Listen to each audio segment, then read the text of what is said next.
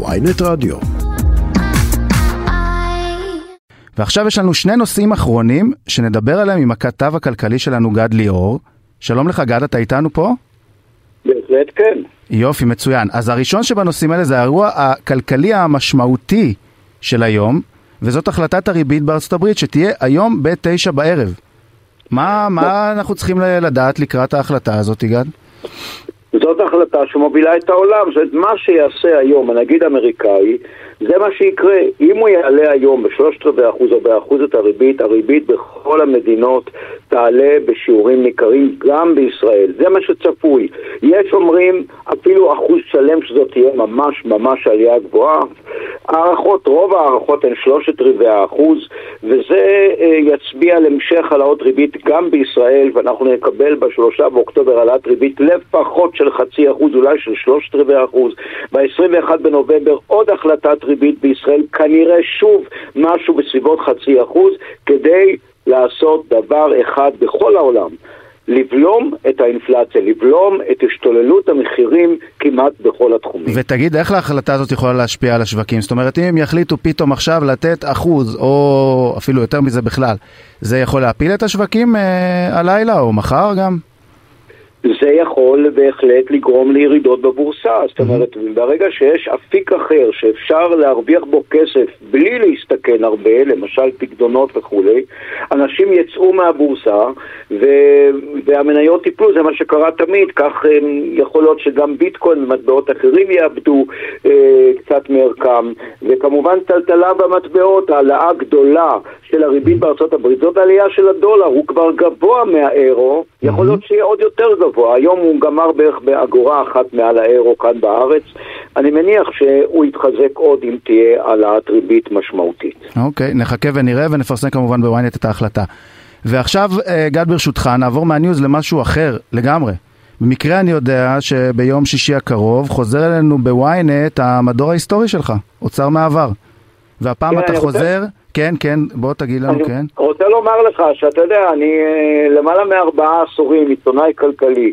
אני מאוד מאוד אוהב לעשות את המדור הכלכלי הזה, כי גם אני לומד ממנו הרבה, ופתאום רואים כמה כלכלה וכמה דברים המדינה הקטנה הזאת שלנו, איך היא התפתחה. אחד מאלה שתרם יותר מכל הוא הברון דה רוטשילד, אדמונד דה רוטשילד, כולל כל משפחתו, אגב, ממשיכי דרכו גם היום. שים לב, 46 יישובים במדינת ישראל או הוקמו או הורחבו באמצעות כספים עצומים. מדובר, ניסיתי למצוא את ההערכה, לא מצאתי, mm-hmm. בהרבה מאוד מיליארדי דולרים שנתרמו פה למדינת ישראל כדי לסייע לה לקום עוד בימי ארץ ישראל, כמובן אחר כך במדינת ישראל, הם ממשיכי דרכו של הברון, אה, האיש הזה שנקרא הנדיב הידוע.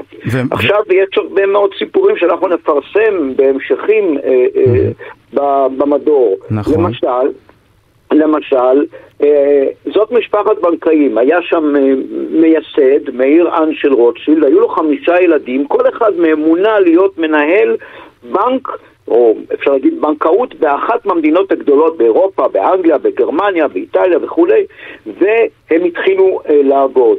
ולמשל סיפור פיקנטי, אחד מהבנים האלה עם הבנק שלו בצרפת עזר לנפוליאון. הוא הלווה לו כספים כדי לקיים את המלחמה שלו. מה עשה באותה עת בן אחר של מאיראן של עזר לבריטים, עזר לבריטניה להילחם בנפוליאון. אגב, המשפחה הזאת היא זאת שהמציאה בכלל את אגרות החוב. אגרות החוב הממשלתיות ואגרות חוב, כן, משפחת רוטשילד. משפחת רוטשילד הייתה המשפחה העשירה ביותר באירופה. זה גרם כבר, צחי, אני מניח שאתה מנחש, לאנטישמיות. גם לאנטישמיות, לצערנו הרב, גם אחת מבנות המשפחה נרצחה על ידי הנאצים. רבים מבני המשפחה ברחו בימי מלחמת העולם השנייה מאירופה.